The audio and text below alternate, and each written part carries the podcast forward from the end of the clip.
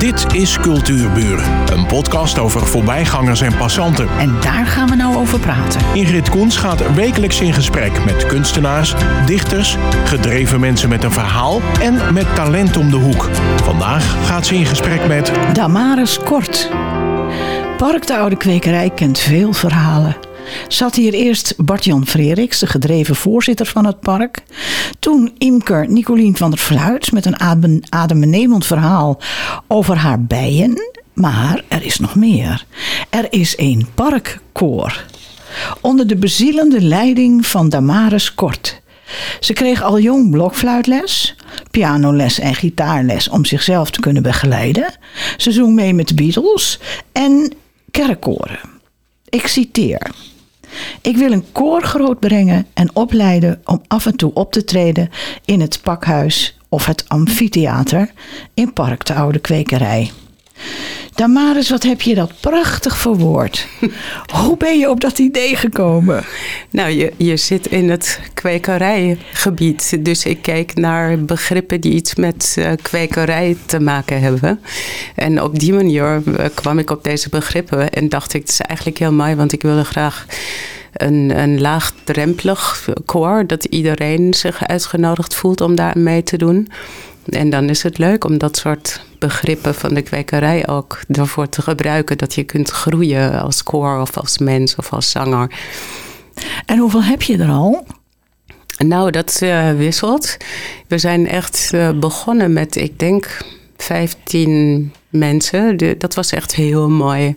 Hoeveel interesse daar meteen in het begin was. En door corona is oh, het ja. overal natuurlijk minder geworden. Want we moesten uit het parkhuis. En we hebben in een gymzaal met heel veel lucht om ons heen. ja. En bijna een klank als in een kerk uh, gerepeteerd. Maar de sfeer is natuurlijk niet zo leuk in een gymzaal. Maar toen was de groep zo klein, ik denk tien dat we na die coronatijd weer terug zijn gegaan naar het parkhuis. En inmiddels zijn we weer dertien, denk ik. Oké, okay. uh, ja. maar ruimte voor meer. Ja. Oké. Okay. Uh, je schrijft ook ergens: speels ontwikkel je met plezier een vrije, moeiteloze en rijke klank. Met veel boventonen. Damaris, wat zijn boventonen? Dat uh, zijn onderdelen van een toon. Want uh, bijvoorbeeld een uh, piano of een stem kun je herkennen. Je weet, oké, dit is de klank van een piano en dit is de klank van een stem. Omdat er een bepaalde kleur eigenlijk op een klank zit. En die ontstaat omdat er heel veel deeltonen um, ook uh, deel uitmaken van een grondtoon. En aan, uh, ja, je zou bijna kunnen zeggen, aan het patroon van die boventonen kun je herkennen welk instrument het is of welke mens praat. Oh, want tussen ja, jou en mij is ook dat... verschil natuurlijk. Ja, maar ik dat... neem ook aan dat jij het alleen hoort, hè? Nee, nee, nee. Want ik bedoel, luisteraars die herkennen jouw stem hier ook steeds en weten wie de gast is, want die stem klinkt anders. Dus ik heb andere boventonen die meeklinken oh. in mijn stem dan jij. Oké, heeft dat ook nog iets met karakters te maken? Met wat, of is het puur ehm. alleen het technische van de stem?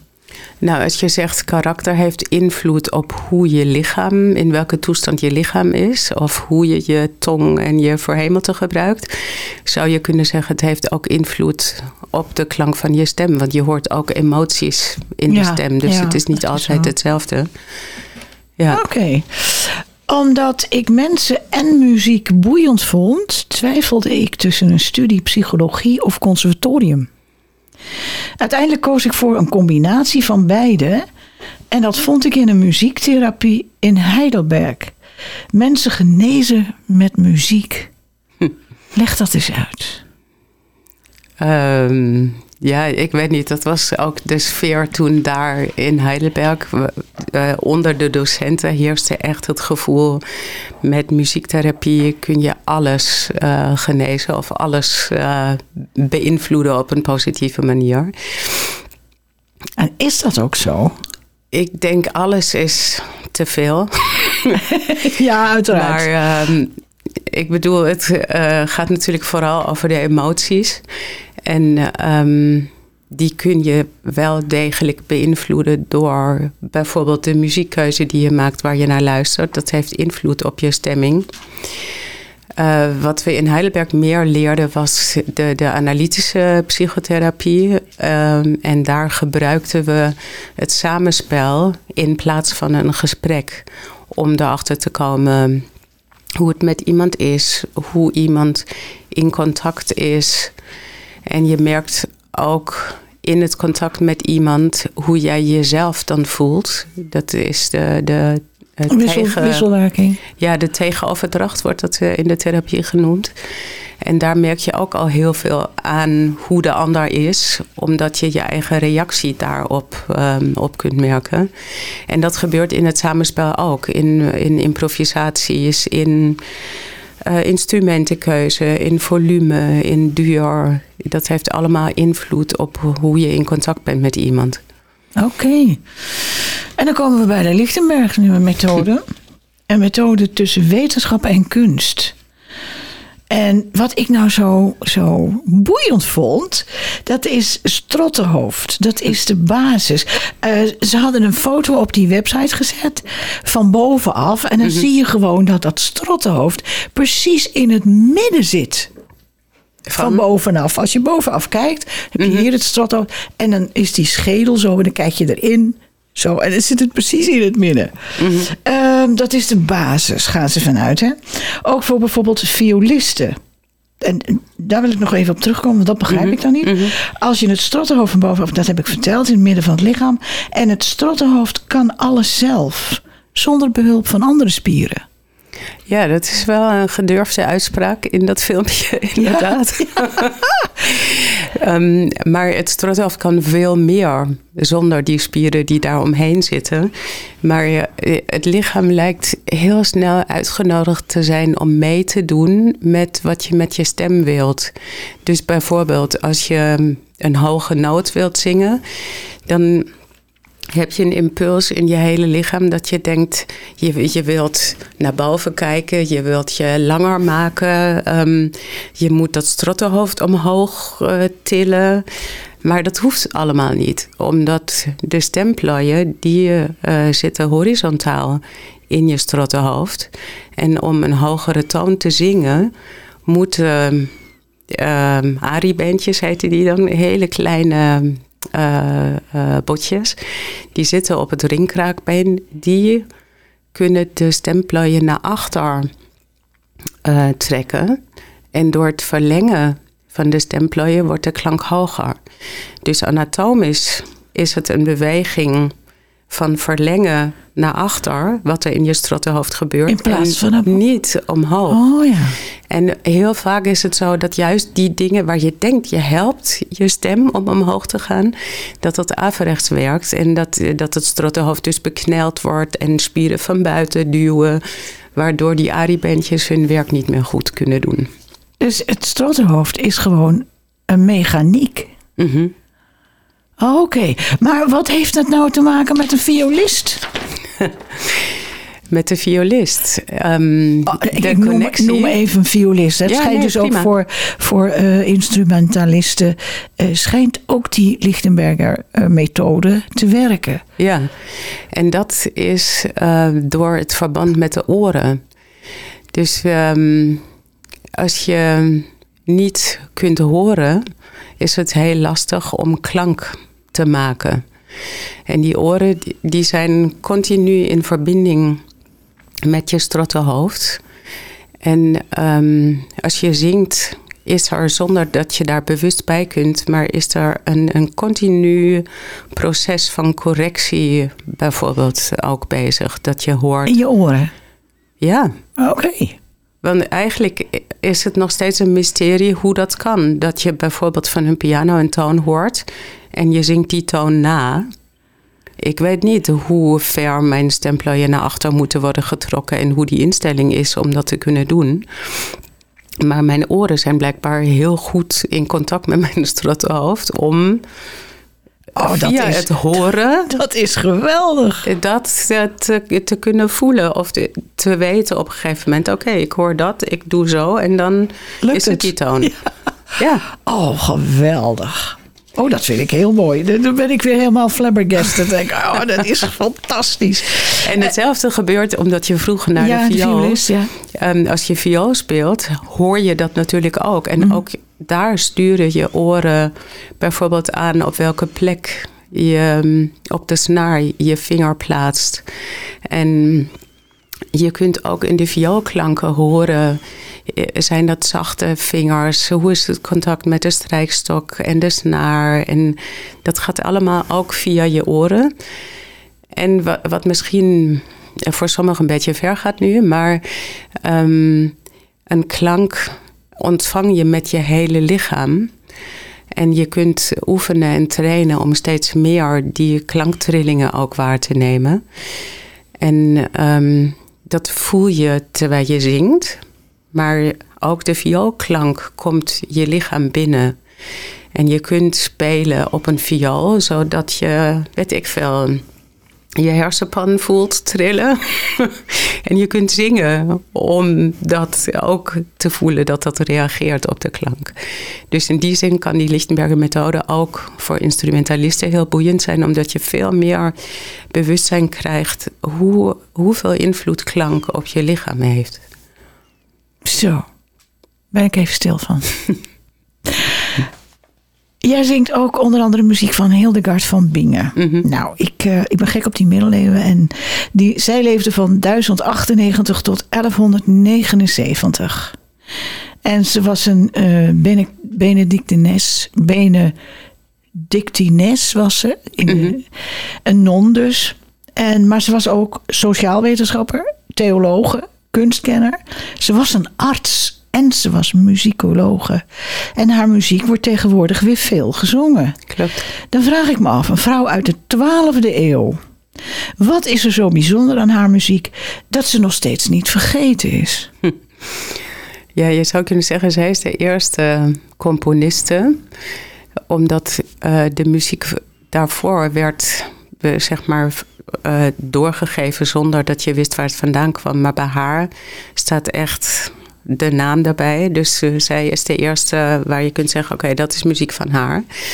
Ehm, ik, ik denk dat zij nog steeds actueel is, omdat ehm, zij heel zelfstandig was en dat vrouwen nu aanspreekt, die eh, ja, zich niets aantrekken van hoe het hoort, maar je eigen weg gaan. Ehm, zij, zij vroeg al heel veel ook over eh, hoe je moet eten. Bijvoorbeeld dat je beter speld kunt eten dan tarwe. Ja, ja, Eh, boek over geschreven. Ja. Ja, voeding. Ehm, en daar wist zij heel veel ook over al die planten. En eh, ik denk dat, dat er veel is wat je herkent blijkbaar in wat zij vroeger deed. En voor mij persoonlijk was het ehm, omdat ik daarvoor altijd muziek heb gezongen met veel verschillende harmonieën en jazz en improviseren en zo. En ik was steeds meer bezig met die Lichtenberger methode, waar het voornamelijk eigenlijk over klank gaat en wat een klank met je doet. Dat ik het heel fijn vond om alleen maar samen één melodie te zingen waar het over de klank gaat. En waar het ritme niet vaststaat, waar je heel vrij bent in die interpretatie van die ene melodie die je dan leest. En je, en je kunt in de klank verdwijnen. Het heeft voor mij ook een beetje iets meditatiefs, zou je kunnen zeggen. Past ook bij al die behoeften aan yoga en meditatie en mindfulness op dit moment. Dus ik denk dat ze goed aansluit op wat uh, veel mensen nu boeiend vinden. Ja, uh, uh, ze heeft ook muziek opgeschreven. Hè? Mm -hmm. Was dat op een andere manier als nu? Dat was op een hele andere manier. Um, dat heette Neumen. Dat zijn een uh, soort van. Um, ik heb uh, veel geleerd over Hildegard van Bingen bij Antje de Witte uit Haarlem. En zij noemt dat altijd uh, wiebertjes of friemeltjes of zo. Ja, zo ziet het er ook uit. je, kunt je, en, je associeert dat totaal niet met muziekschrift. Nee, dus, en dat was ook, een, er waren wel lijntjes, maar die zijn heel uh, vaag nog ja. geweest. En daar stond de tekst over en je ziet ongeveer dat iets omhoog gaat of omlaag en of het dikker of, of fijner is. Maar dat werd later en daar lezen wij nu van overgedragen in het uh, Gregoriaanse notenschrift met die vier lijnen. En, en dat is veel duidelijker.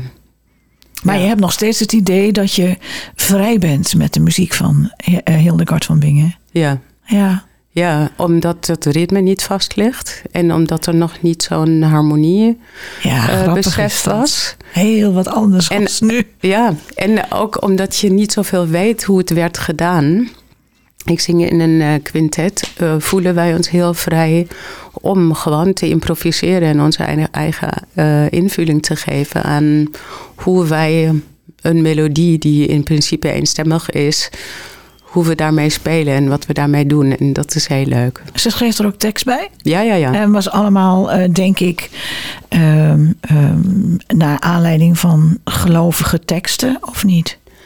Het zijn haar eigen teksten inderdaad. Um, die veel uh, gaan ook over die visioenen die zij ja, heeft gehad. Ja, en heel ja. veel over Maria. En uh, ik zocht laatst nog, maar ze, ze, heeft een Kyrie geschreven. Maar verder kan ik geen delen van een mis vinden die zij uh, heeft verzonnen. Dus het zijn echt haar teksten. Ja, ja. Ja, ze heeft, ik moet even zeggen, ze was zoveel, hè? Ja. Als je kijkt uh, wat ze allemaal, arts was ze ook nog, kunstkenner, theoloog. Maar ze heeft ook heel veel weerstand uh, ontmoet. Mm -hmm. Van bisschoppen, van mannen natuurlijk, hè? Ja. Een soort me-too. Maar uh, ik vind het leuk dat ze eigenlijk best onsterfelijk is geworden. Dat heeft ze wel bereikt. Ja, het duurde even, maar ja. ze werd heilig verklaard, inderdaad. Ja, en die, die, die, die kennis van die planten en zo. Mm -hmm. ah, het is zeker de moeite waard om daar eens in te duiken. Ja. Afgelopen zomer leerde ik het prille begin, vond ik ook zo'n leuke opmerking van je, uh, dirigeren bij uh, Koer Thomas. En soms lukt het me om een koor met mijn handen te vormen. Veel mensen hebben misschien het tv-programma Maestro gezien. Mm -hmm. en, um, maar wat is er nou zo moeilijk aan dirigeren? Uh, dat je een heleboel dingen tegelijkertijd moet doen. Of dat is voor mij op dit moment moeilijk. Want je, daar moet je wel een maat houden. En daar hoort een bepaalde beweging met ja, je hand bij. Ja. En dan heb je nog een hand. Ja. En daar Gelukkig wel. kun je bijvoorbeeld uh, de dynamiek aangeven. Of uh, weet ik veel. Um, maar dan moet die andere hand ook nog doorlopen. En dit moet onafhankelijk daarvan. En je kijkt naar mensen die voor je staan te zingen. Uh, daar raak je ook in contact mee. Dan hoor je soms, oh, hier weet iemand even niet hoe het moet. Dan probeer ik daar te helpen. Dus het is heel complex. En je hebt ook nog je eigen idee van de muziek, hoe je zou willen dat het klinkt. Dus. Uh, ik vind het heel complex, ja. Ja, het ziet er nooit zo complex uit, maar zoals jij het nu vertelt. Ja, en, en ik, uh, ja, ik, ik heb ook gezien dat. Uh, uh, beroemde dirigenten, die worden niet zomaar beroemd, maar die worden beroemd omdat zij hun, um, hun kennis en hun liefde voor een bepaald stuk kunnen overbrengen op dat orkest. Mm -hmm. En dat zijn allemaal individuen, dus die moet hij wel met, met de neuzen naar één kant krijgen. Ja. En dan uh, ontstaat er natuurlijk een geweldig resultaat. En dat hoor ik bij jou ook. uh, dat je mensen aankijkt en dat je toch en aan het eind zeg je dan heel bescheiden: ja, ik heb er natuurlijk ook een idee over. Maar wat voor uh, repertoire heeft het parkour? Uh, in het parkour doe ik het een beetje anders. Waar ik het nu uh, vooral Waarom? over had, Waarom? was, ja, was uh, dat kerkkoor, wat ik pas sinds kort heb. Daar moet ik echt in Schorrel. Schorrel. daar moet ik echt voor staan als een dirigent. Maar eigenlijk leek het me veel leuker in het parkkoor om daar. Dat uit het gezamenlijke meer te laten ontstaan. Ik wilde niet mijn visie op iets uh, de andere opleggen, maar ik wilde eigenlijk samen dat uh, ontwikkelen. Ik merk dat het nu ook soms anders is, omdat ik meer ervaring heb met dirigeren. Dat vooral als we liederen uit het hoofd doen en iedereen echt naar me kijkt en die bladmuziek daar niet meer tussen zit, dan uh, was ik laatst echt heel verrast dat er opeens heel duidelijk werd gereageerd op mijn bewegingen. En dat had ik daarvoor nog niet zo duidelijk opgemerkt. Dus ik denk, er is ook wel iets bij mij veranderd hoe ik het nu aangeef. Of dat het duidelijker is dat, dat ik uh, bundel wat er gebeurt. Zoiets. Ja, een dirigent is natuurlijk ook een leidraad. Hè? Ja. Maar nog even terugkomen op de vraag: wat is het repertoire van het ah, koor? Sorry. Het repertoire van het koor is heel divers. Ik um, haal veel liederen uit een uh, bundel met uh, wereldmuziek, uh, wat in Duitsland ook heel bekend is. Die heette Come Together Songs. Die, die zijn gebundeld van een vrouw in Berlijn die daar ook workshops en cursussen en alles mee geeft. Dus vaak kleine melodieën, korte liederen met 1, 2, 3 stemmen of veel kanons. Um, waar je snel eh, lekker samen zingt en daarvan kunt genieten. Maar meerstemmig ook. Ja. Ook Zo, dat is altijd het moeilijkste. ja, dus ook weer die verdeelde aandacht. Hoe blijf je bij je eigen stem en kun je toch tegelijkertijd luisteren naar wat de anderen doen? Ja. Maar is het, uh, is het klassiek? Moet ik me dat voorstellen? Nee, in het uh, Kwekerijko is het helemaal geen klassiek. Het is echt uh, een beetje jazz, een beetje wereldmuziek. Oh, ja, um, traditionele dingen, soms wat Nederlandse nummers. Noem er eens één. Kijk, stel voor dat er iemand luistert en die denkt: Oh, wat leuk. um, Dan hebben ze toch een beetje een inzicht in wat er gezongen wordt. Ja, het is uh, zoals altijd. Als ik een leerling vraag, kun je spontaan even een lied zingen? Uh, dan schiet je niks uh, te binnen. Ik heb laatst, dat kent waarschijnlijk niemand, maar een Gregoriaans driestemmig nummer. Dat heet Iaf Nana. Dat gezongen wordt om de omgeving van iemand die ziek is te helen. En, uh, en dat is een nummer wat, wat, wat, heel, ja, wat heel mooi binnenkomt en mensen ontroert. En wat je als een soort mantra steeds uh, kunt herhalen. En, uh, maar dat klinkt niet iets eh, als iemand zegt van nou ik wil wel zingen om iets Gregoriaans te zingen. Daarom vroeg uh, ik ook, uh, heb nee, je ook een Georg, zei ik Gregoriaans? Ja? Ik bedoelde Georgisch. Oh, sorry. Ja. ja, nee, dat is heel wat anders natuurlijk. Ja, ja, die Georgie. Ja. Nee, sorry. Nee, dat, uh, dat is heel wat anders. Maar nee. jammer dat je niet even zo'n iets kan opnoemen. Want ja, dat is heel jammer. Denk er even over na. Dan ga ik nog eventjes uh, verder. Uh, nou, we weten van het grootbrengen van het koor. Ik vind dat zo mooi. Veel mooie opmerking. Ik begrijp dat zo goed. Maar we gaan eventjes uh, huishoudelijke mededelingen. Wie mogen er lid worden? Uh, momenteel zijn er alleen vrouwen lid. Dus ik denk het is eigenlijk leuk als het toch een vrouwengroep blijft.